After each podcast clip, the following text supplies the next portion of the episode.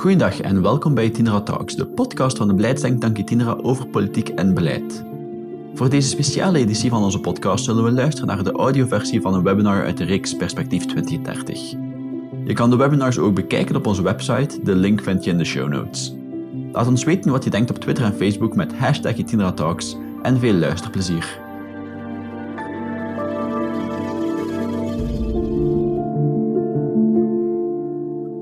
Welkom bij de negende aflevering van Perspectief 2030. Met vandaag een gastspreker, professor Catherine van de Heining.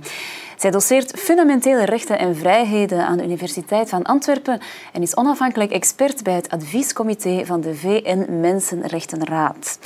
Als we het over rechten en vrijheden hebben, ja, dan moeten we het ook hebben over de rechtsstaat. Die leek in de naoorlogse periode voor de hand liggend, maar we zien dat veel landen ermee worstelen. En dat het ook bij ons nodig is om waakzaam te zijn, zodat de kwaliteit van onze rechtsstaat als fundament van onze democratie niet in gevaar komt. Welkom, Catherine. Dankjewel, Lien. Ja, rechtsstaat als sokkel van de democratie. Bij democratie hebben we allemaal wel een beeld, maar rechtsstaat, misschien moeten we daar toch nog een beetje meer uitleg bij geven. Ja, dat klopt helemaal. Hè. Bij een democratie daar word je om de zoveel tijd aan herinnerd, omdat je moet gaan stemmen, mhm. omdat je beslissingen ziet op televisie, omdat je leven daardoor beïnvloed wordt rechtstreeks. Mhm. En de rechtsstaat, ja, daar kunnen mensen zich iets moeilijker bij inbeelden.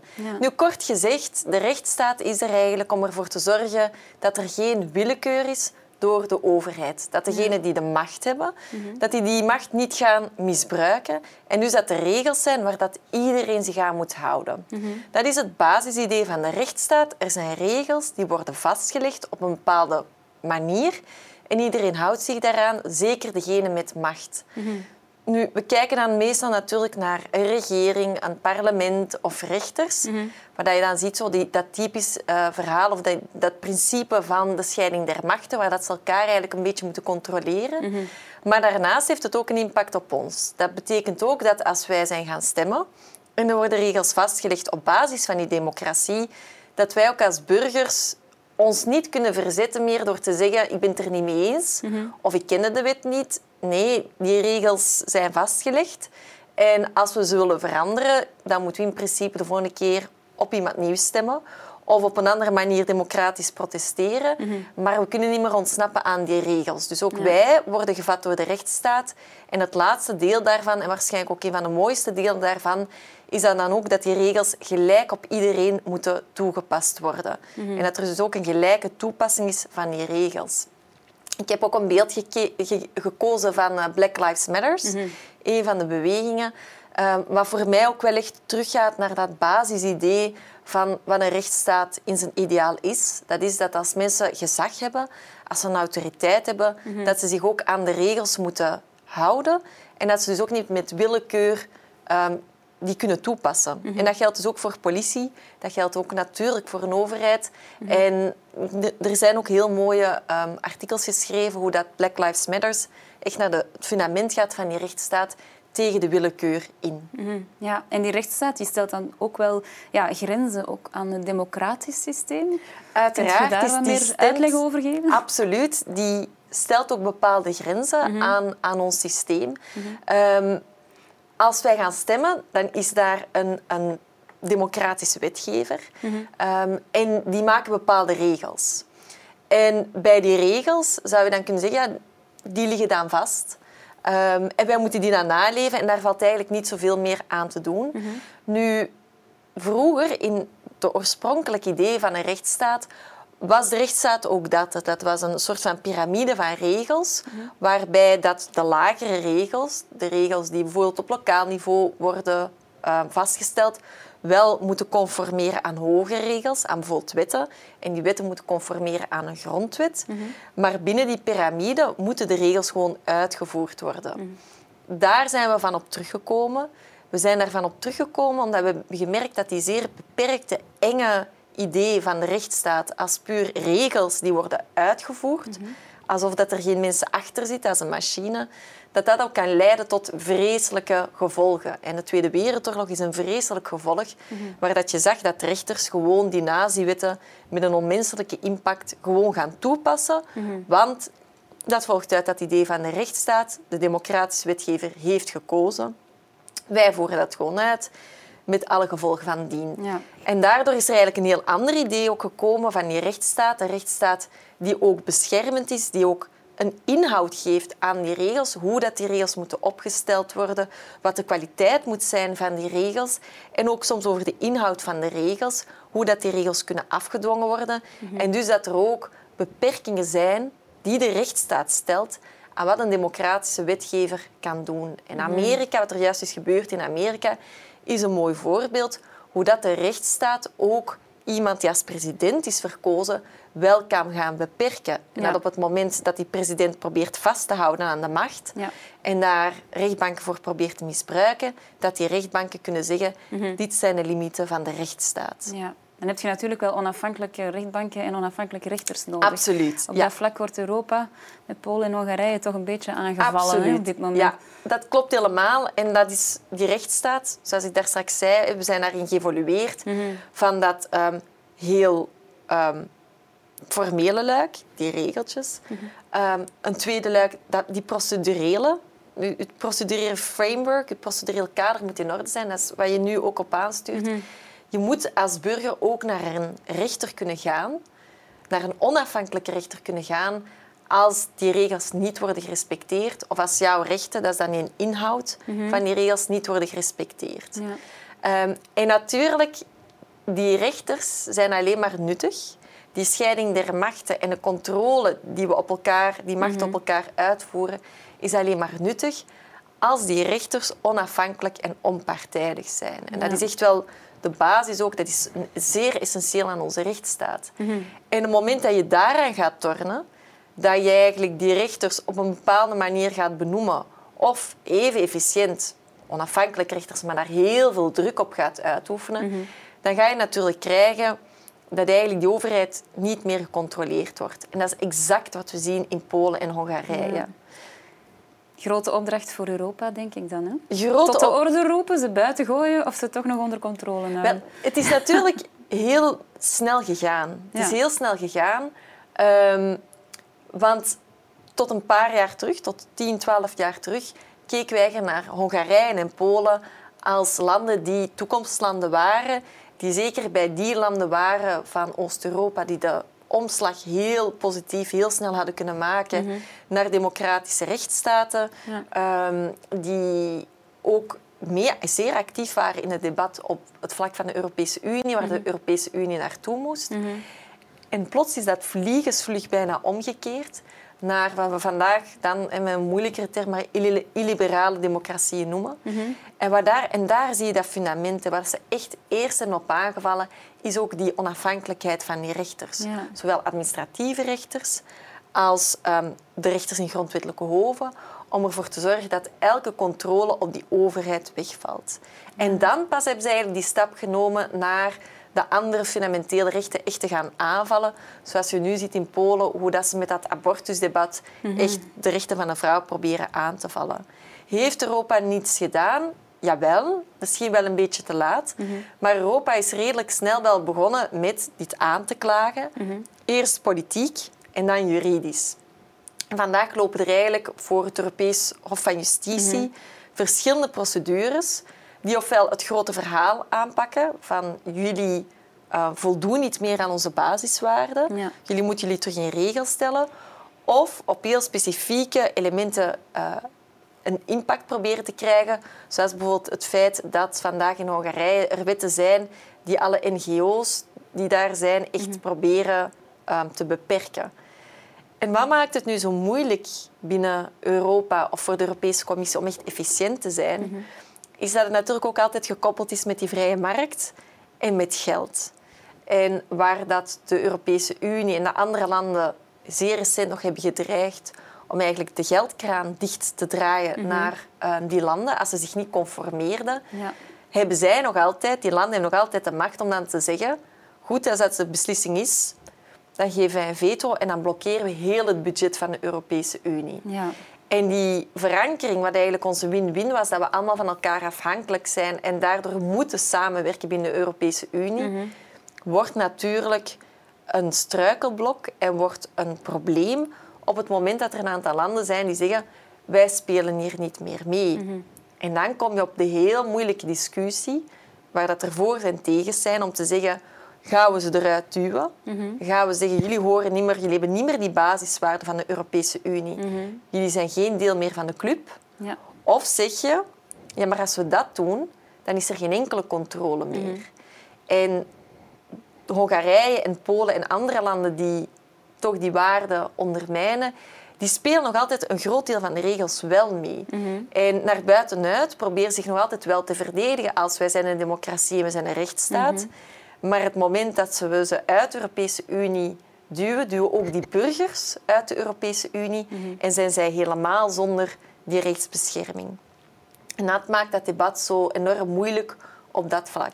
Ja, het is wel een, echt een momentum nu voor Europa om zich te laten zien. Hè. Zijn we streng Ja. en allee, eh, voeren we uit waar dat we voor staan, die waarden? En zeggen we tot hier en niet verder? Of ik hoor u toch meer pleiten voor het tweede, ze onder controle houden, ze toch nog binnenhouden en dan die burgers beschermen? Het probleem is, we zitten in een perfecte storm. We Ja. zitten in een perfecte storm, want inderdaad, dit zou het moment kunnen zijn van de Europese Unie om duidelijk klare taal te spreken, die rechtsstaat te verdedigen en eigenlijk terug naar de idealen gaan van echt de founding fathers van Schuman, Ja. om ervoor te zorgen dat het echt een gemeenschap is, een unie is, eh, die gebaseerd is op rechtsstaat en democratie. Ja. En naar de buitenwereld ook laat zien dat wij als economisch blok, dat daar ook een bepaald waardekader onder is wat Ja. ons anders maakt. Maar natuurlijk het is de perfecte storm, want we werden ook geconfronteerd met een brexit. Ja, en met een enorm, ja, een Ja. enorm aantal landen waar dat ook die tendensen zijn van moeten we nog met de Europese Unie meedoen, om juist heel andere redenen. Omdat ze juist het gevoel hebben dat de Europese Unie hun democratie misschien ondermijnt of hun rechtsstaat beperkt. Ehm, en je ziet daar dus met dat debat van bepaalde landen die dan wel voor die waarden staan, maar twijfelen aan het project. Ehm, en langs de andere kant, die landen die willen graag willen blijven, maar de waarden ondermijnen. En dan zit je natuurlijk op dat moment in een zwak Europa. En daarbovenop gooien we dan natuurlijk nu nog eens ehm, de pandemie, Ja. waarbij dat het contact tussen de landen beperkt was. Dat je ook een paar van die meest fundamentele elementen van de Europese Unie, zoals het vrij verkeer, Ja. gaat ondermijnen. En dat je ook ziet dat we nu in een soort van concurrentiestrijd voor een groot deel ook zitten over eh, natuurlijk de vaccins. Ja. Dus je zit hier wel echt wel in een verzwakt kader. En om dan de storm helemaal tot zijn einde te brengen, hebben we natuurlijk die enorme economische crisis gehad, die natuurlijk ook heeft gezorgd voor bepaalde spanningen in Europa. En weten we na de pandemie dat we opnieuw waarschijnlijk wel die economie ehm, gaan moeten aanzwengelen. Dus in dat opzicht krijg je natuurlijk een verzwakt Europa. En zoals met alle zieke beestjes, daar komen parasieten op af. En de parasieten voeden zich daarmee. Maar ik zie ook wel heel veel toekomst. om- En dat zie je nu echt in die beelden van Polen, van die vrouwen die daar gaan en masse met duizenden gaan protesteren. We moeten ook ergens toch ook wel blijven geloven dat als we die openheid hebben en als we blijven stimuleren vanuit Europa dat NGO's daar kunnen werken, dat de basis daar verzekerd is, dat we bepaalde ehm, fundamenten daar blijven creëren, dat we ervoor zorgen vooral dat die Hongaarse, Poolse studenten bij ons kunnen blijven komen studeren en kunnen teruggaan, dan natuurlijk creëren we wel het draagvlak naar de toekomst om die omslag terug Ja. te maken. Maar er zijn grenzen. Ja.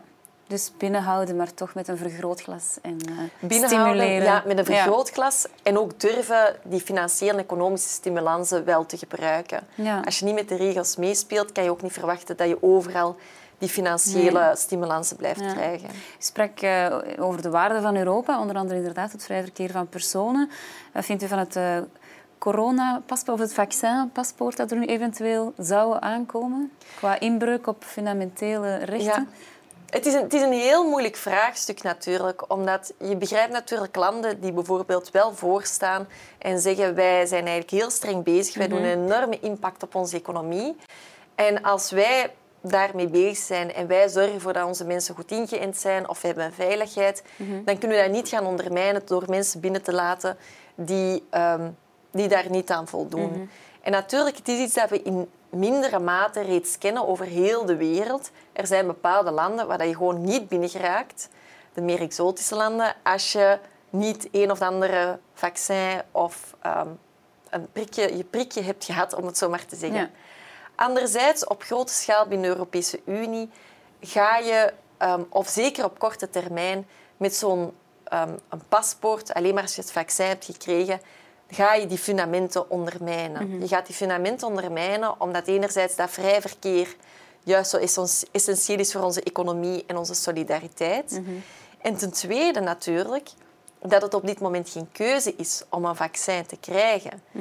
De meeste mensen die een vaccin willen, zullen het nog niet krijgen, zullen het ergens in mei, juni of misschien later pas krijgen. En dan ga je eigenlijk je burgers dus dubbel bestraffen in de zin van, goed, we hebben een strategie wie dat eerst wordt gevaccineerd, wie later, op basis van kwetsbaarheid. Maar dan ga je daar ook door het feit dat je achteraan in de rij zit en dus eigenlijk ook kwetsbaarder bent op dat moment, ga je ook nog eens afgestraft worden omdat je daardoor misschien niet kan reizen, dat is dan het minste, maar misschien ook je job niet gaat kunnen uitoefenen omdat je niet naar bepaalde Ja. landen kan gaan. En zeker voor buurlanden, want we denken niet aan de verre landen, maar voor buurlanden kan dat zeer problematisch zijn voor bijvoorbeeld grensarbeiders. Dus op Europees, het vlak van de Europese Unie zie ik zeker op korte termijn dat er niet doorkomen. Of denk ik zelfs dat dit tegen het fundament ingaat van wat de basis is van de Europese Unie. Zolang dat we natuurlijk ook geen keuzes hebben. Ja. Zolang dat we geen keuze hebben, moet je natuurlijk dat toelaten. En er zijn nog andere ziektes waar dat er vaccins voor zijn, maar dat ook niet iedereen het vaccin pakt. En dat ze toch de mogelijkheid hebben om door de Europese Unie te reizen. Dus op korte termijn zitten we natuurlijk met die moeilijkheid dat het ook gewoon geen keuze is. Ja. Eh, op termijn zal natuurlijk dat probleem hopelijk verdwijnen als we die groepsimmuniteit hebben. En dan zullen we moeten aanvaarden dat er bepaalde groepen zijn. Eh, het is ook hun recht om dan te beslissen dat ze niet gevaccineerd Ja. willen worden. Ja, misschien eerder dan inzetten op eh, negatieve testen in plaats van het vaccin, al dan niet. Want dat kun je Ja. wel testen. Hè? Ja.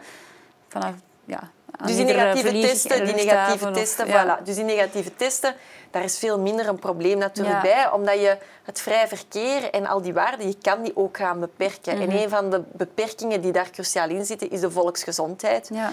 Ehm, en dan stelt zich de vraag, en dat is dan weer ook een, een element van die fundamentele rechten, natuurlijk wat je gaat doen met de gegevens die je hebt verkregen Mhm. en dat je daar heel ja, stringent ook mee moet omgaan. Ja. Ehm, wat dat je eigenlijk gaat doen met die, met die gegevens. En Mhm. ja, wij geven nu heel veel, we hebben nu heel veel openheid over onze, over onze persoonsgegevens, over onze medische gegevens naar de overheid. En dat kan perfect kaderen in een overheid en in een staat en bescherming van kwetsbaren, van, van tegen criminaliteit of tegen eh, gezondheid. Maar dan moeten we ook verwachten van een overheid dat ze daar heel diligent mee omgaan. Des te meer als het over heel gevoelige gegevens gaat, zoals medische gegevens. Ja. Dus dat is altijd, en dat is het mooie ook in de rechtsstaat, het is vragen, het is, het is geven en nemen. Het is enerzijds zorgen voor die bescherming, waar dat de burger ehm, ook kan vertrouwen op de overheid, dat er geen willekeur is, dat er bescherming is, ook dat er duidelijke regels zijn, dat er een kwaliteit is aan die regels, dus dat je die bescherming wel hebt. En anderzijds een burger die ook soms kan toestaan dat bepaalde rechten beperkt worden voor het algemeen belang, maar alleen maar omdat het in dat kader is van die rechtsstaat. Ja, en beperkt in de tijd ook waarschijnlijk. Beperkt in de tijd, Ja, en proportioneel. Ja, Ja. ja. Ja, Nu, om even terug te gaan naar, eh, naar eh, Polen en Hongarije en de spanning die de rechtsstaat staat, daar eh, staat onder druk. Dat zijn jonge democratieën. Ja, Ik zou verwachten dat hoort bij dat jong zijn en ze, ze moeten zich op die manier eh, nog oriënteren of, eh, of hun Ja. identiteit vinden. Maar dan zien we, denk ik, toch in, in, eh, in de VS, wat dat toch een oude democratie of oudere democratie Ja. is, toch ook met, met populisme dat daar aan de gang is, ook de, de rechtsstaat onder druk Ja. komen. Is er dan, ja, het doet mij een beetje schuifelen op mijn stoel van wat gaat het dan in België zijn, ook als een hè, oudere democratie, Ja. en hoe kunnen we daarmee omgaan? Ja, ik denk dat dat is een heel juiste opmerking. Dat is een heel goede vraag natuurlijk. We hebben heel lang gekeken naar, naar landen zoals hè, iets, iets vroeger al naar Rusland of Turkije, Mhm. en recenter naar Hongarije en, en Polen, om te zeggen, ja, maar het zijn jonge democratieën. Vergeet niet, ze hebben een heel lange geschiedenis van autoritaire Mhm. regimes en dit is een, dit is een terugval. Ehm, maar wat je eigenlijk ziet, is dat dit, en dat is de Verenigde Staten is daar een pijnlijk voorbeeld van, hoe snel dat het eigenlijk kan gaan in zeer gevestigde ehm, democratische rechtsstaten, wat, wat de Verenigde Staten is. En welke druk dat er is gezet, uiteindelijk vanuit die president en zijn entourage, specifiek op die rechtsstaat. Hoe dat die rechtsstaat hij echt heeft geprobeerd om dat baksteen per baksteen het huisje te gaan afbreken. Ehm, en waar dat je enerzijds wel nog meer hebt dan ons, dat natuurlijk er meer druk kan komen omdat zij meer mogelijkheden hebben om ook politiek bepaalde rechters te gaan benoemen. dat is iets meer gepolitiseerd natuurlijk. Ehm, maar anderzijds, en dat is waarschijnlijk dan het hoofdvolle dat we zien in de Verenigde Staten, is ook dat heel veel rechters, de moment dat ze benoemd zijn, wel zijn gaan zich gedragen als onafhankelijke, onpartijdige rechters. Dat ook van hun verwacht wordt in de grondwet. Mhm. En waar je toch ziet dat zij wel degelijk een tegenwicht hebben geboden ten opzichte van die uitvoerende macht. Mm Anderzijds zijn natuurlijk heel veel rechten op een, op een heel fundamentele manier beperkt geweest. Mhm. En is het feit dat een, een uitvoerende macht denkt dat ze op dergelijke manier um, druk kunnen uitoefenen, mhm. wat heel vaak ook wel gewerkt heeft, in de Verenigde Staten is dat iets waar we ons uh, zeker zorgen over moeten maken. En Hannah Arendt heeft dat ook ooit heel mooi beschreven, dat als je naar die, naar die rechtsstaat kijkt, en naar die democratisch-liberale rechtsstaat kijkt, mm zij omschrijft dat als een huis. Ja. En een huis moet je ook in orde houden. En een mhm. huis gaat niet alleen over het, het, die strikte procedures die er zijn, want elke procedure kan misbruikt worden als je daar alle uh, inhoud van wegneemt. Als je mhm. dat heel mechanisch gaat toepassen. En vandaar ook, in je huis heb je natuurlijk bij ons ook die scheiding van machten. Mhm. Maar je hebt ook de gezondheid van dat huis. Hoe goed is, is het huis eraan toe? Ja. En dat huis wordt mee stand gehouden door andere... Um, door onder andere de burgers die protesteren of mhm. die elementen laten gebeuren, niet laten gebeuren. Ook bijvoorbeeld door ambtenaren die op een bepaald moment iets gaan uitvoeren en in welke mate hebben zij een mogelijkheid om toch als klokkenluider naar buiten te komen mhm. of toch te protesteren. Dat wordt mee in stand gehouden natuurlijk door die rechters en in welke mate je naar een rechter kan gaan om te protesteren. Mhm. En dat wordt ook in stand gehouden door al die organisaties die er verder rondhangen, zoals NGO's, Ehm, zoals wat we nu hebben, gelukkig een, um, een Mensenrechteninstituut, mhm. door een UNIA bij ons, door een Instituut voor Gelijkheid van Vrouwen en Mannen. Die zijn zo cruciaal mhm. om je systeem gezond te houden. Want als je daar aan gaat tornen, en dat is dan ook wat er wel gebeurt ja, ja. in Polen en Hongarije, ja, dan gaan zich die, die financiering ondermijnen. Mhm. En dat heb je veel minder gezien in de Verenigde Staten, waardoor je nog altijd die basis hebt om te gaan mobiliseren, mhm. om uh, naar buiten te treden. Ja. En natuurlijk het laatste element is daarin media, internet, uh, in welke mate dat je op die manier nog de ruimte hebt en de ruimte krijgt om te gaan protesteren. Ja. Nu, de, u haalde het al even aan, hè, de, de toegang tot zo'n rechter is natuurlijk wel belangrijk. Financieel ook, maar ook mhm. gewoon praktisch. Hè. Hoe, eh, hoe gaat het in zijn werk? Hoe zit het daarmee in België? Want ik heb dan toch een paar heel lange termijnen zien passeren onlangs. Ja, dat, dat, klopt absoluut. En ik denk als het, het Belgisch rechtsstatelijk huisje ergens toch wel kan bij gaan bouwen, dan is het zeker in onze justitie. Onlangs stond het ook, was er ook een advocaat die naar buiten is gekomen. Hij had een uh, pleitdatum gekregen in 2026. En natuurlijk, als we justitie op een dergelijke manier gaan organiseren, mhm. dat we met die enorm lange termijnen komen, mhm. of dat we ook zien dat we in heel veel rechtbanken kamers moeten sluiten, omdat er simpelweg niet genoeg rechters zijn, mhm. niet genoeg mogelijkheden zijn.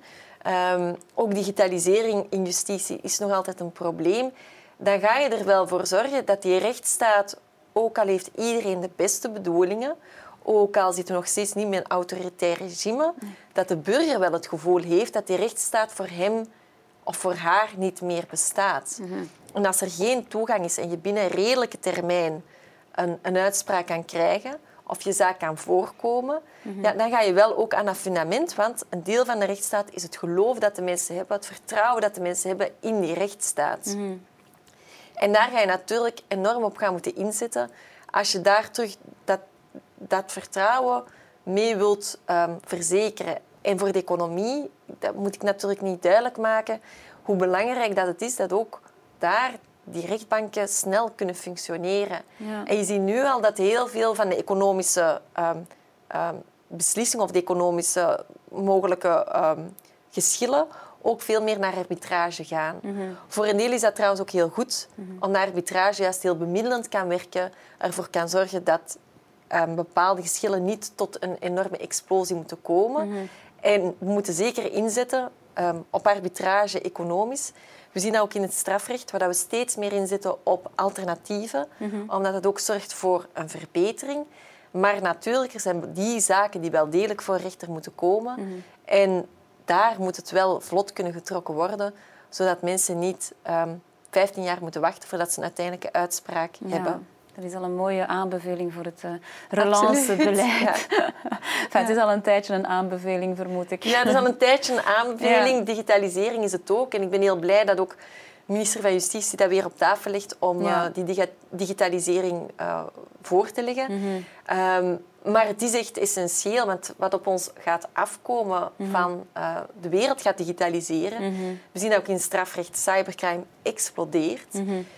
En als we niet dezelfde, hetzelfde ritme gaan kunnen aanhouden als de wereld in justitie, mhm. dan gaan we hopeloos achterop geraken. Ja. En dan verliezen we, en dan, dan mogen politici ook niet vergeten, dat hoe dat mensen naar een overheid kijken, heeft ook te maken met hoe dat ze zelf hun eigen ervaring, hoe dat ze zelf behandeld worden, hoe dat ze zelf mhm. eh, hun ervaring hebben. En justitie is daar een, een, element van. En als ze daar merken dat het niet functioneert, mhm dan zeggen ze hun vertrouwen in de rechtsstaat ook op. Ja.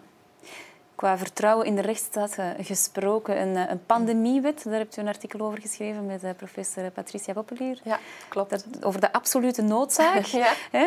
ja. Minister Verlinden heeft ze onlangs naar het parlement gedragen. tevreden? Wij zijn, wij zijn heel blij dat er uiteindelijk toch wordt gezorgd voor die wettelijke basis. Ja, waarom moest dat per se? Ja, een wettelijke basis. Vanwege de rechtsstaat natuurlijk, vanwege de rechtsstaat. um, dus op een bepaald moment is inderdaad, zijn er heel veel besluiten genomen, ministeriële besluiten mhm. genomen, om ervoor te zorgen dat deze pandemie gemanaged kon worden. En dat ging, in eerste instantie ging dat natuurlijk over lockdowns, dicht doen, um, het organiseren van ziekenhuizen, van, op, van opvang en dergelijke. Mhm. Ehm, en dat is allemaal gebaseerd geweest op een aantal wettelijke basissen, maar een van de belangrijkste is die op civiele veiligheid. Een wet die er eigenlijk vooral op gericht is als er een ramp is. En een parlement kan ook niet meteen samenkomen, we moeten snel handelen, mhm, meteen mhm. handelen. Dat dan democratie natuurlijk niet in de weg kan staan mhm. van levens. Het feit dat je naar een parlement moet, niet in de weg kan staan van dat je levens wilt redden. En dat was de eerste basis en dat was zeker de correcte basis ook voor te gaan daarop handelen. Mhm. Maar die pandemie, die toen kort was, die korte lockdown, is natuurlijk nu al heel lang bezig. En wat hebben we gedaan? We hebben niet alleen maatregelen genomen om die pandemie te stoppen. We zijn ook terug in een exit-strategie gegaan, waar we dus juist maatregelen hebben gelost naar een normaal leven terug zijn proberen toe te groeien. Mhm. En dan kan je moeilijk nog zeggen dat je bezig bent met de ramp te gaan vermijden. het acute is, dan het acute is weg. Ja. En um, wij hebben dan aangekaart, samen met heel veel andere professoren. Intussen kan je de opiniestukken daarover bijna niet meer tellen. um, dat golf naar golf van, um, van maatregelen, dat eigenlijk je draagkracht om je nog te gaan baseren op die wettelijke basis, mhm. dat die steeds, mee, steeds vermindert mhm. en dat je dus echt een wettelijke basis nodig hebt. Mhm. Dat is trouwens ook de aanbeveling van de Raad van Europa, die ook zegt, ja, je hebt wel een wettelijke basis nodig voor die maatregelen. En er zijn andere landen die eigenlijk wel aan een soort van pandemie-regelgeving of noodregelgeving hebben. En toch hebben ook zij ervoor gekozen om wettelijk dat um, in een karkan te gaan gieten en mm. wettelijke regels te gaan bepalen. En wat is het belangrijkste daarvan? Dat is niet natuurlijk alleen dat er dat ergens er een wet is, hè, dat het over papier gaat, mm. maar dat je een debat brengt naar een parlement, dat er in een parlement gedebatteerd wordt. En al wordt daar beslist meerderheid tegen minderheid, mm-hmm. dan toch krijg je die transparantie naar alle voor- en nadelen, krijg je toch die transparantie naar wat is het proces geweest, mm wat zijn nu de aanbevelingen, wat hebben nu eigenlijk de experten gezegd mm en wat heeft nu eigenlijk de regering of de meerderheid, wat beslissen ze. Mm En nu dragen die maatregelen één gezicht van één minister, mhm. terwijl het zo'n impact heeft op onze wereld. En we kijken vaak naar natuurlijk avondklok of, of mondmasker. Maar er zijn duizenden mensen in België die hun inkomen gedecimeerd zien natuurlijk door die maatregelen. En mhm. dan moet, je, ja, dan moet er natuurlijk een democratisch debat over mhm. zijn. Zeker omdat we werken, dat nu het parlement gewoon wel werk verder doet. Mhm, en ze praat over heel veel wetgevende initiatieven, maar misschien niet over de meest cruciale die ons vandaag, ja, die ons vandaag beheersen, ons leven beheersen. En dus moet daar een debat mogelijk zijn in een parlement. Dat, hè, er is dan de keuze gemaakt om niet voor een coronawet te gaan, maar een pandemiewet te gaan. Mhm. Wat moedig is, wat zeker moedig is van uh, minister Verlinden om verder te willen kijken. Om te zeggen van ja, maar we gaan nu toch geen wet maken die tot misschien oktober of november is. We gaan toch over die verder durven mhm. kijken. Mhm. Eh, wat er waarschijnlijk ook voor zorgt dat het wat langer duurt voordat we dat uh, debat hebben. Um, maar het is goed dat er uiteindelijk toch wordt beslist om voor die wettelijke basis te gaan kiezen. Want als corona een stresstest was van onze rechtsstaat, mhm. dan vrees ik dat we die niet zo goed hebben doorstaan. Ehm, en ik snap natuurlijk een regering die zegt, ja, maar wij hebben al de beste bedoelingen en we willen flexibel zijn. Mhm. Maar zoals iedereen weet, hè, de, de weg naar de hel is ja, spijt genoeg geplaveid met goede bedoelingen. We weten niet, en dat leert Hongarije ons, daar zijn we terug, en Polen ons, hoe snel het kan gaan. En mhm. wat als we op een bepaald moment zeer populistische, autoritaire personen hebben en er dient zich een nieuwe mogelijkheid aan. Ja. Hopelijk niet, maar er dient zich een nieuwe mogelijkheid mhm. aan. Wat er dan gebeurt. En dan heb je een precedent gecreëerd dat je niet naar het parlement moet. Mhm, ja. Ehm, de verbreding eigenlijk van het begrip voor de rechtsstaat, of van de uitleg die u net geeft, of de, de noodzaak van die mhm. wet en al die duiding die daar rond gegeven wordt, denk ik dat dat de, de polemiek en de, de woede van het volk, zoals dat we in Nederland zien, kan temperen. Dat daar misschien een sleutel ligt in informatie en, uh, en uitleg over wat die rechtsstaat is en waarom. En ik heb niet de indruk dat dat er een heel breed draagvlak is en dat het moeilijk is om dat te verbreden. Hoe langer het duurt, uh, hoe moeilijker eigenlijk.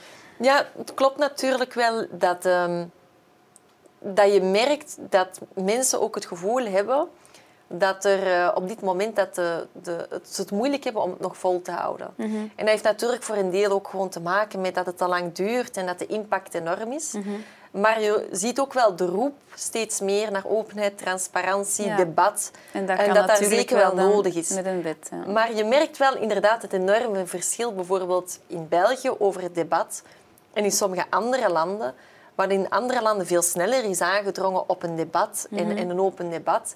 En dat wij waarschijnlijk inderdaad iets minder een besef hebben van die rechtsstaat en bepaalde andere waarden die in onze grondwet zijn. We zijn daar ja, wat anders in. Wij gaan niet de grondwet hè, van kinds af aan aanleren en, en, en heel doordrongen van die waarden daarover, daarover debatteren. Mm. waardoor ook dat idee van die rechtsstaat en wat houdt het nu in en onze rechten en in welke mate wordt dat beperkt en kan dat zomaar en wanneer kan dat en, en wat zijn eigenlijk als we daar een gevoel van hebben, dit kan toch niet, waarom kan dat niet?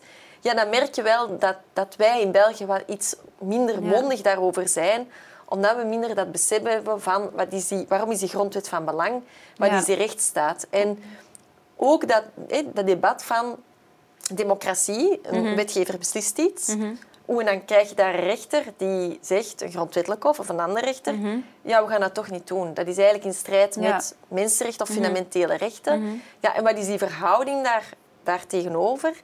En als je dan nog politici hebt die daar, of andere media die daarop gooien van zie je ondemocratisch verkozen rechters die zomaar iets beslissen, dan ga je natuurlijk een polemiek creëren die voor burgers die misschien weinig ehm, daarover hebben bijgelezen, eigenlijk daar geen voeling mee hebben.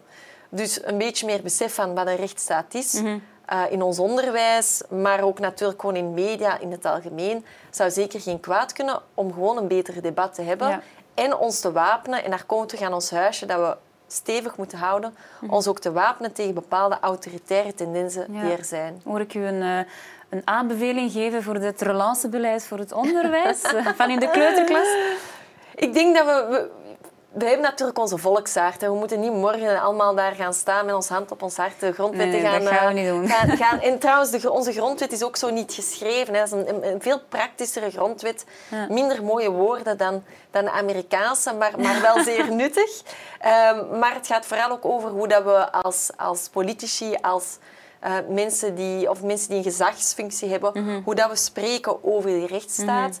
En ik denk zeker ook, en daar is justitie al een tijdje ook mee bezig, om te leren communiceren als er beslissingen worden gemaakt. Mhm. Ja. Waarom zijn die daar? Hè? We hebben onlangs dat debat gehad over de, de zonnepanelen, Ja. waarbij dat grondwettelijk hof dan een beslissing neemt. ehm, waardoor dan natuurlijk als gevolg daarvan bepaalde mensen beslissingen hebben genomen over zonnepanelen plaatsen ja of nee. Mhm. En zich enorm bekocht natuurlijk voelen. Ehm, maar dat het ook gewoon een duidelijk verhaal moet zijn waarom dat die beslissing wordt genomen. En dat het daar ook wel duidelijk was dat die beslissing er ook zat aan te komen. Ja. Ehm, en het rekening houden van een... Van, want wij hebben een... Wij, wij, de machten houden elkaar bij ons in evenwicht. Mhm. Ook het belang dat een wetgever of een, een, een uitvoerende macht op voorhand al gaat geven aan... Ja, wat zijn eigenlijk die regels? Mhm. We willen, we willen dit doorvoeren. Dit lijkt ons goed op basis van wetenschappelijk onderzoek. Mhm. Maar kunnen we dat wel binnen dit kader? Wat zijn de negatieve elementen daarvan? En we nemen die mee. Ja, In ja. plaats van, we nemen de vlucht vooruit. Mhm.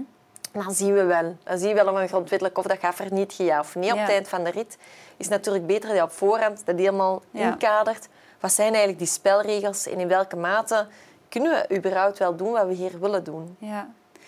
Die rechters die dan eigenlijk ja, grenzen stellen hè, aan, eh, aan de beslissingen, dat komt dan ook wel terug bij die klimaatzaken tegenwoordig. Binnenkort, Ja. ik denk 13 maart of zo, start de klimaatzaak hier in Ja. België. Er zijn er in het buitenland nu ook al. Ja. Ja. wat kan een rechter, of wat is wenselijk? Hè? Dat is een, ja, kan de rechter zeggen nee, tot hier en niet verder? Mhm. Of een vagere aanbeveling doen? Is dat meer wenselijk? Of, eh, ja. Die klimaatzaken zijn enorm interessant om aan allerhande redenen, maar vooral ook omdat dat echt ja, naar die kern gaat van wat kan een rechter doen en waar moet hij zich terughoudend gaan opstellen ten opzichte van een wetgever of ten opzichte van een uitvoerende macht, ten opzichte van de democratisch verkozen regelgevers. Ja.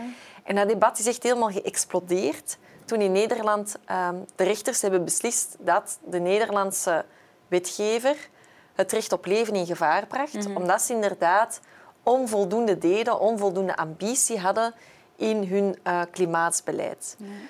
En daar is ook wel degelijk in dat arrest lees je ook wel dat die rechters zelf zeggen er zijn limieten aan wat een rechter kan doen. En wij moeten in principe de grootste beoordelingsruimte laten aan die wetgever.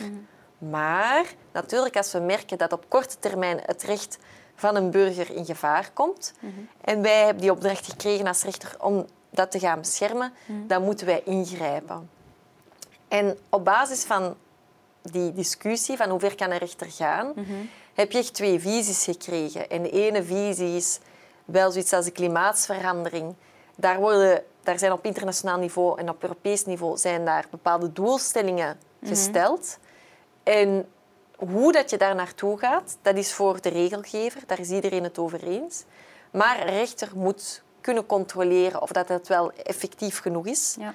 Want anders is er mogelijk een aantasting van eh, het leven van burgers. En eigenlijk ook een aantasting van die rechtsstaat. Want je houdt je als overheid zelf niet aan de regels Ja. die je hebt afgesproken. En als je je nu eigenlijk in die Franse, er is juist een Franse zaak, l'affaire de siècle noemen ze dat dan. Dat is heel Mooi, typisch? Frans. Hè? Zo, De affaire van de eeuw is Ja. natuurlijk in Frankrijk. Anderzijds heb je juist daarover ook een zaak gehad in Noorwegen. Dat ging over het, het, het, het oppompen van olie. Waar dat juist die rechter heeft gezegd, er moet echt een extreem grove nalatigheid zijn van een regelgever vooraleer dat wij in dergelijke zaken zullen optreden.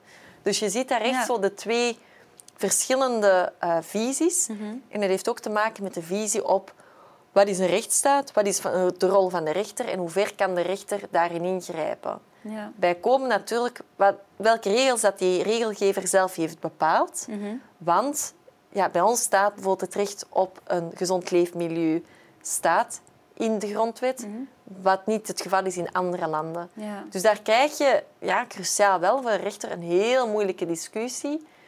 Het gaat niet over het beschermen van het milieu alleen, Het gaat ook over hoe ver kunnen wij ingrijpen als rechter. Ja. En wat verwacht je van de klimaatzaak in, in België? Ik durf mij daar niet over uit te spreken. Spannend dus. Heel, heel spannend, omdat inderdaad je daar op het scherpst van de snee, snee zit. Van, ehm, enerzijds, wat zijn ambities die het bepaalt? Wat zijn de regels die het bepaalt Europees? Ehm, goed, en het is niet aan een rechter om wetenschappelijk opnieuw te gaan evalueren. Dat is wetenschap, daar zijn, is wetgever, daar is proportionaliteit. Natuurlijk, als je merkt dat het echt volledig niet tegemoet komt en dat je je Europese verplichtingen niet nakomt, kan anderzijds een rechter ook moeilijk anders aan vaststellen dat de regels niet worden nageleefd. Ja. En daar zit je in die schemerzone waar dat een moeilijke discussie is. En dat ik zeer benieuwd ben wat eigenlijk de, Ja. de rechter eh, zal beslissen. En andere milieuzaken zijn voorgegaan Ja. waar dat, ehm, de rechters vaak een andere, in België een andere, nog een derde weg kiezen. En dat is een procedurele weg. En dat is eigenlijk te gaan kijken... Goed, er zijn regels in België. Hoe zijn die nu tot stand gekomen? Wat is de kwaliteit van uw beslissingsproces? Hebben jullie adviezen opgevraagd? Hebben jullie eh, jullie laten leiden door wetenschappelijk debat? Ja. Hebben jullie iedereen gehoord? Hebben jullie rekening gehouden met alle belangen? En eigenlijk op die kwaliteit van je regelgeving ehm, te gaan beslissen. Ik kijk er heel hard naar uit, maar het zou wel eens kunnen dat die procedurele, maar een kwalitatieve procedurele weg, hoe beslis je, dat dat wel de toekomst zal worden in dit soort debat, hoe Ja. dat rechters ermee omgaan. Oké, ik ben benieuwd samen met u. Absoluut. Je gaf daarnet al de aanbeveling voor meer digitalisering van de Belgische Ja. justitie. Ik denk dat dat een hele goeie was.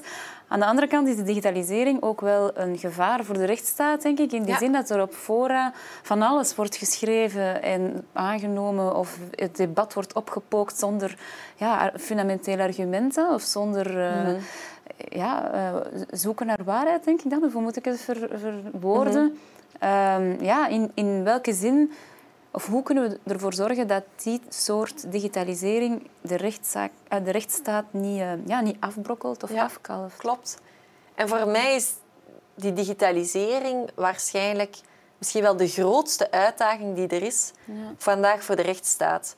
Want je wordt geconfronteerd met ehm, dat onze grenzen die we vroeger hadden en waarbinnen onze rechters zich uitspreken, waarbinnen dat wetgevers regels ehm, bepalen, dat die grenzen in wat we dan cyberspace noemen, digitaal, dat die niet meer gelden. Je kan perfect in Amerika of eender waar in de wereld zitten en enorm actief zijn in België en een enorme impact hebben in België.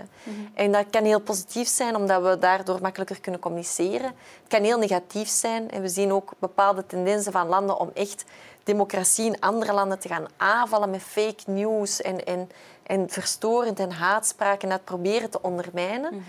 En je ziet dus echt die twee tendensen. Alleen als nationale wetgever, als nationale rechter, ontsnapt het voor een deel aan jou, omdat dit op wereldschaal gebeurt en fysiek er niemand meer in België is.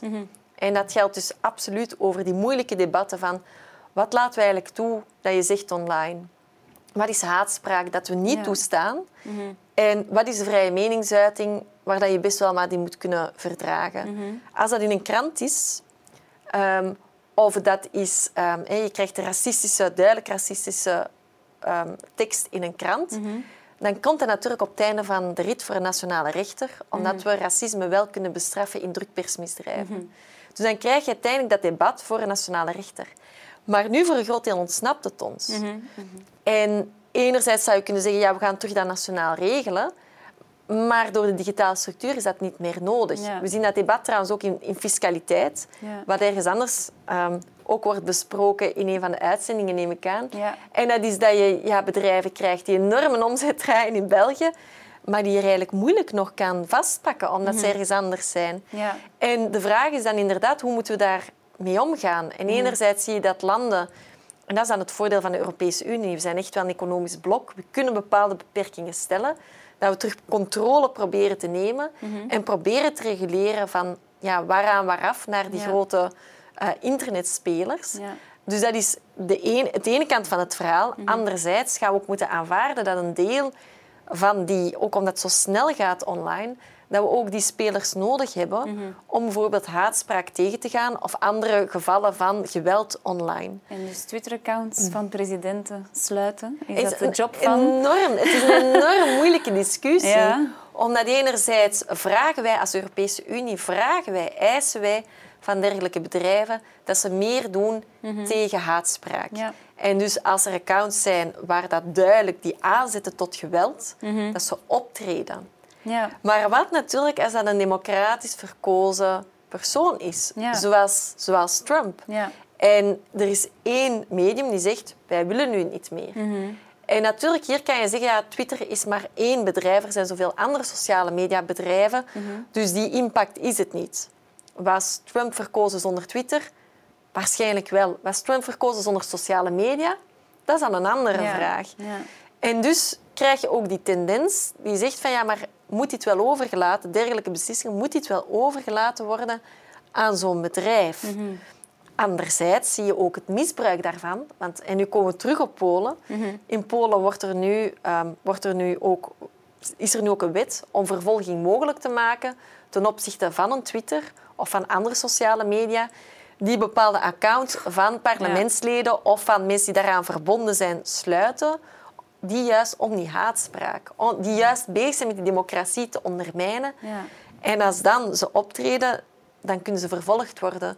Dus je ziet hoe moeilijk debat dat het is. Het gaat heel ver natuurlijk. gaat heel ver, absoluut. Ja, heel ver. En ik vraag me dan af, hoe, hoe kun je die ja, kwetsbaren beschermen op al die publieke fora? Hè? En hoe kunnen we dat doen? Eh, Wie zijn job is dat om dat te doen? Ja. Ehm, ja, ik denk een, een algemene informatiecampagne, I don't know. Ja, op Ehm, het eind van de rit, de Europese Unie als democratisch blok Mhm. kan wel degelijk bepaalde regels gaan bepalen. Ja. En mag ook verwachten van die eh, internetbedrijven Ja. Mhm. dat ze dus ook preventief gaan optreden. En dus inderdaad dat ze ingrijpen op dat moment op de vrije meningsuiting of de vrijheid van informatie van hun gebruikers. Op basis van bepaalde regels die we mee bepalen, die we mee gaan monitoren Mhm. vanuit de Europese Unie. Dus dat is zeker een, een deel van wat er mogelijk is. Mhm. Anderzijds is dat ook essentieel, is wel dat we ervoor gaan zorgen dat de manier, als er dan content wordt afgehaald, dat de regels, wanneer dat, dat gebeurt, transparant zijn. Ja. Dat is vandaag niet het geval. En ook dat je wel degelijk daardoor tegen zou kunnen protesteren Mhm. eh, voor een rechter, of tenminste transparant bij het bedrijf, Ja. zodat je wel die discussie krijgt. En Facebook is nu bezig met een, een interessant ehm, experiment, Mhm. waarbij ze een grote oversight board hebben gemaakt op wereldniveau, met mensen uit alle culturen, ehm, gendergelijk, ehm, met een, zeker met een absoluut een zware achtergrond, een enorme expertise in vrije meningsuiting Mhm. of in politieke, ehm, een politiek debat. Onder andere voormalig premier van Denemarken zit er ook mee in. Ja. En de moeilijke gevallen, zoals het sluiten van ehm, Facebook-accounts of Mhm. andere accounts van ehm, politieke personen, worden daarin besproken. Ja. Zij wel een onafhankelijk oordeel en dergelijke. Een enorm interessant experiment. Ja. Mhm. Ik denk dat het zeker ook kan helpen. Anderzijds blijkt natuurlijk, ja, ze nog altijd wel gesponsord door een privaat bedrijf. Ja. Dus het, is, het, is, het kan een meerwaarde zijn. Ik denk dat we ook in die richting verder kunnen denken. Maar op het eind van de rit, het bepalen van regels binnen de Europese Unie, transparantie en ook toegang nog altijd tot een rechter om iemand ter verantwoording te roepen. Ook die internet service providers, als ze zeggen in België, wij werken nergens mee mee, ja, dan moet je hier ook niet komen. Dus dat evenwicht zoeken Ja. gaat de grote uitdaging zijn voor de toekomst. Ja, ik hoor u heel dikwijls eh, het pleidooi voor een sterk Europa voeren. Ja. Zijn er nog concrete relance-tips in heel uw betoog voor België? Wel- of voor de burgers individueel? Voor de burgers individueel, voor de burgers individueel natuurlijk absoluut dat, ehm, dat we waarschijnlijk in België zijn we nogal heel comfortabel met onze democratie en rechtsstaat. Je hebt me dan een paar keer horen zeggen dat je dat moet verzorgen. En dus het feit dat je bepaalde organisaties hebt, hè, zoals het Mensenrechteninstituut en dergelijke, die impact geven en die, die moet je koesteren. Die moet je koesteren als beleid. Die moet je niet aanvallen, die moet je koesteren. Je mag daar zeker mee in een kritisch debat gaan over wij zijn niet eens mee die aanbevelingen, maar het is belangrijk dat je genoeg denktanks, eh, organisaties, kritische massa hebt om een debat aan te gaan en je te testen. Je moet dat altijd zien als een overheid als, als positief. Anderzijds, de kwaliteit van onze regelgeving kan absoluut ook nog wel verbeterd worden. Waar dat het probleem een beetje in de Belgische structuur zit, is dat we vanuit de uitvoerende macht, vanuit kabinetten, vaak met een voorstel komen, Dat wordt dan binnen een coalitie interkabinetair uh, bepaald. Ja. Dan gaat het pas naar het parlement en dan krijgen we vaak daar adviezen op. Terwijl dat het vaak daar al te laat is, omdat politiek compromis gemaakt is. Dus zeker dat bewaken van die kwaliteit op het moment dat een voorstel eigenlijk de consensus wordt gezocht. En voordat daar, ja, als het spel gespeeld wordt politiek, dat je daar al wel naar die kwaliteit van die regelgeving gaat kijken. En daar kan je wel eentje buur doen uit de uh, omliggende lidstaten, wat je veel sneller in het proces eigenlijk die controle krijgt, die bij onze Raad van State, afdeling wetgeving, pas doet op niveau van, uh, van het parlementair debat. Dus ik denk dat we daar zeker nog verbetering in kwaliteit kunnen bekomen. Ja, dankjewel. Graag gedaan.